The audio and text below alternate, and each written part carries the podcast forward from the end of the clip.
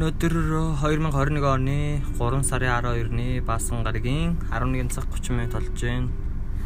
Яг одоо машиндаа сууж байна.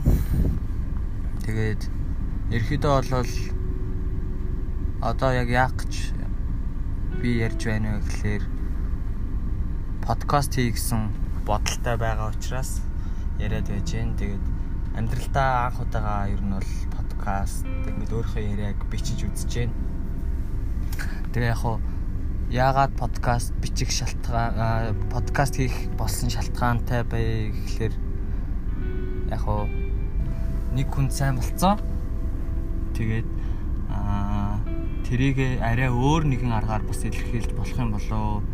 Тэгээ бас энийг сонсвол бас чам чамайг аз жаргалтай болох юм уу мэдэхгүй эсвэл чамайг инээлгэх ч юм уу би бас мэдэхгүй зүгээр чамд ямар нэгэн гоё мэдрэмж төрөөсэй гэсэн бодлоор ерөөдөө энийг хийж эхэлж байгаа. Тэгээд аль болох өдрө болгон хийгээд явна. Өмнө би 100 влог хийгээд амжилттай дууссан байгаа. Тэгээд тэрийгээ би бас үлдэх байх гэж бодоод цаасан дээр зарим нь бичээд зарим нь болохоор хевлээд өгсөн байгаа чамааг уншсан үгүйг бас сайн мэдгүй байна. За тэгээд эхний блог дээр бичснээр бол би чинь чамааг 2016 оны 8 сард түнэл дотор харсан шүү дээ. Тэгээд ер нь болол яагаад амар ичгүй шууд очиод дугаарыг асуусан одоо одоо хүртэл жоохон гайхаалаад байна. Тэгээд үнэхээр ичих ичих булчирхаа минь байхгүй болоод шууд л очиод асуусан юм л да. Тэгээд яалчгүй таалагдаадсан.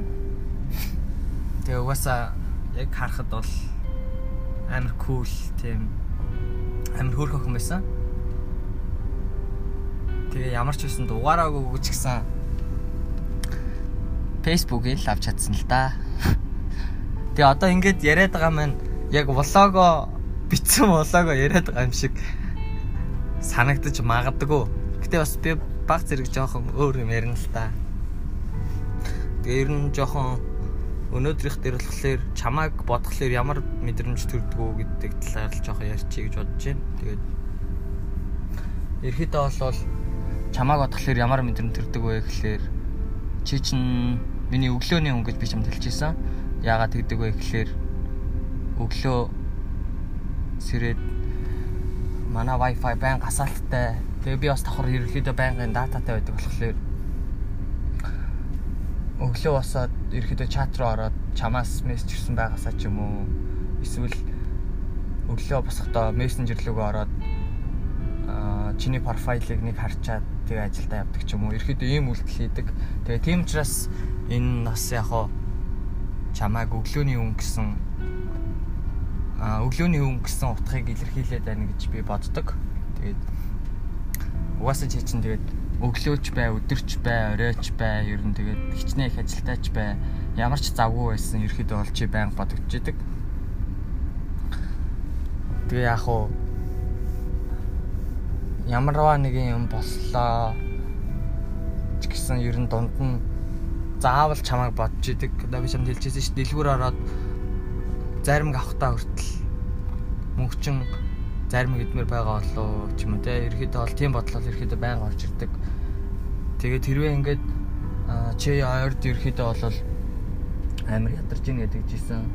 Тэгээд чи энэ хагасаа өдөр хэрвээ цэцгэн дээрээ суучих юм бол би копи аваад аваачиж өгье гэсэн бодол бас их байсан. Байсан ч яг хоо ер нь бол байгаалгаа л та. Тэгээд чамааг цэцгэн дээр суух уу би бол мэдэхгүй байна. Хэрвээ сууж ивэл би копи аваад очиж магадгүй. Тэгээ аваад очивол битгий гайхаарэ. Хаа. Тэгээ ер нь бол хамгийн ихний уулзалтнаас хойш бол ерөөдөө миний сандрал ерөөдөө бол нилээ алга болцсон байлээ. Тэгээд ихний уулзалтан дээр бол би амар паниктаад яг яахаасаа мэдэхгүй одоо пив уух уу ямар пив уух уу гэж асууж байна гэдэг чи одоо тэр хүн бүр ингээд сандарч байгаа төвшин бүр 100-аас 105 юм шүү баг. Тийм амар өндөр төвшөнд амар сандарч исэн байна. Тэгээ би чинь юу ярьж байгаад халиад ингээд явчих да. Уул нь бол ингээд чамайг харахаар чамайг бодохоор ямар мэдрэмж төрдгөө ярих гэж байгаа дээ. Тэгээд аа ерөөдөө болвол чамайг бодглохлоор ч юм уу чамтай чатчээ чамаас хариу ирэхлээр да да да гэд амандаа ингээ өгөлдөг. Тэгээд заримдаа бас намайг хүмүүс харахтаа энэ гажигтай юм уу гэж харж иж магадгүй тэгээд ажил дээр байхдаа ч юм уу ерөөдөө машин барьж байхдаа ч юм уу ерөөдөө гадуур ажиллаа хийгээ явж байхдаа чамтай чаталж байхдаа ер нь бол жоомлцсан байдалтай байдаг тэгээд тэр нь одоо ингээд надад амар гоё мэдрэмж төрүүлж байгаа болохоор л би тэгэж жоомлцдаг байх гэж боддог. Тэгээ яг хуу би энэ подкастыг өөрөө ганцаараа байх үедээ л хийсэн дээр юм шиг байна. Тэгэхгүй бол ингээд яг хүмүүсийн хажууд ихлээр би бас жоохон хүмүүсээс ичиж магадгүй юм шиг байна. Тэгээ бас нөгөө нэг аа чамд мим хийж өгч ирсэн шүү дээ. Хийж явуулж ирсэн. Одоо тэр баг 120 30 хүрээд тэгээ ном болоод гарцсан шүү дээ.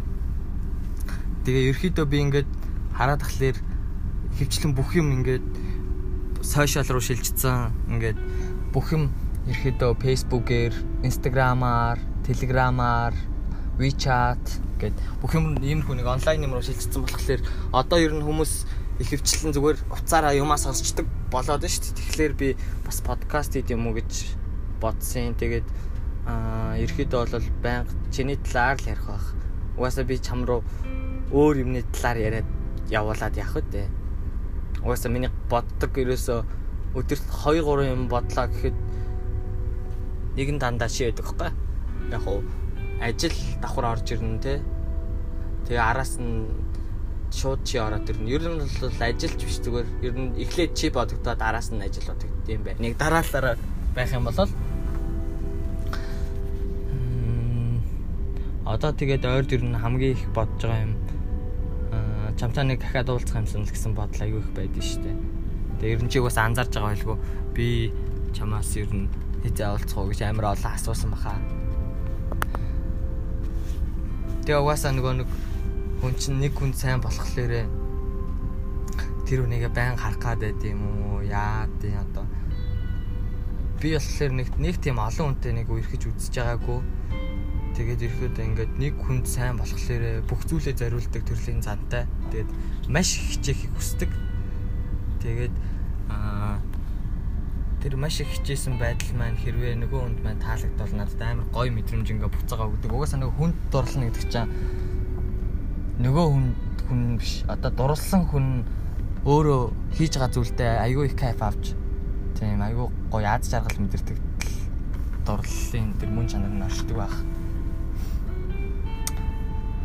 Тэгээ эхний подкаст болохоор бас жоохон юу ярих уу ингээд нөгөө нэг мэдээний мэдээ уншдаг хүмүүс ямар ч их бэлтгэлгүйгээр шууд их э, шууд мэдээ уншиж байгаа юм шиг мэдрэмж төрж байна надад. Тийм ямар ч бэлтгэлгүй цаасан дээр ноороглог байж байгаа гинт зүгээр сэтгэлээ удлаад ирж байгаа болохоор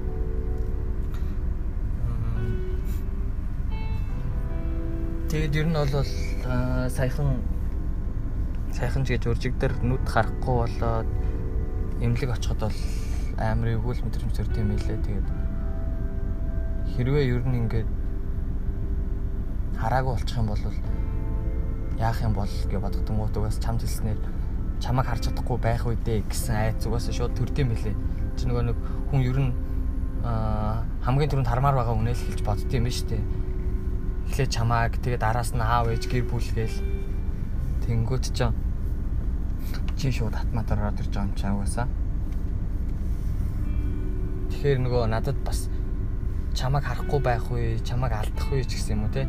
Ерхэдөө бол чамтай уулзах чадахгүй байх үе гэсэн айдас төрдөм байна гэж би ойлгосон тэр үед өөрийгөө.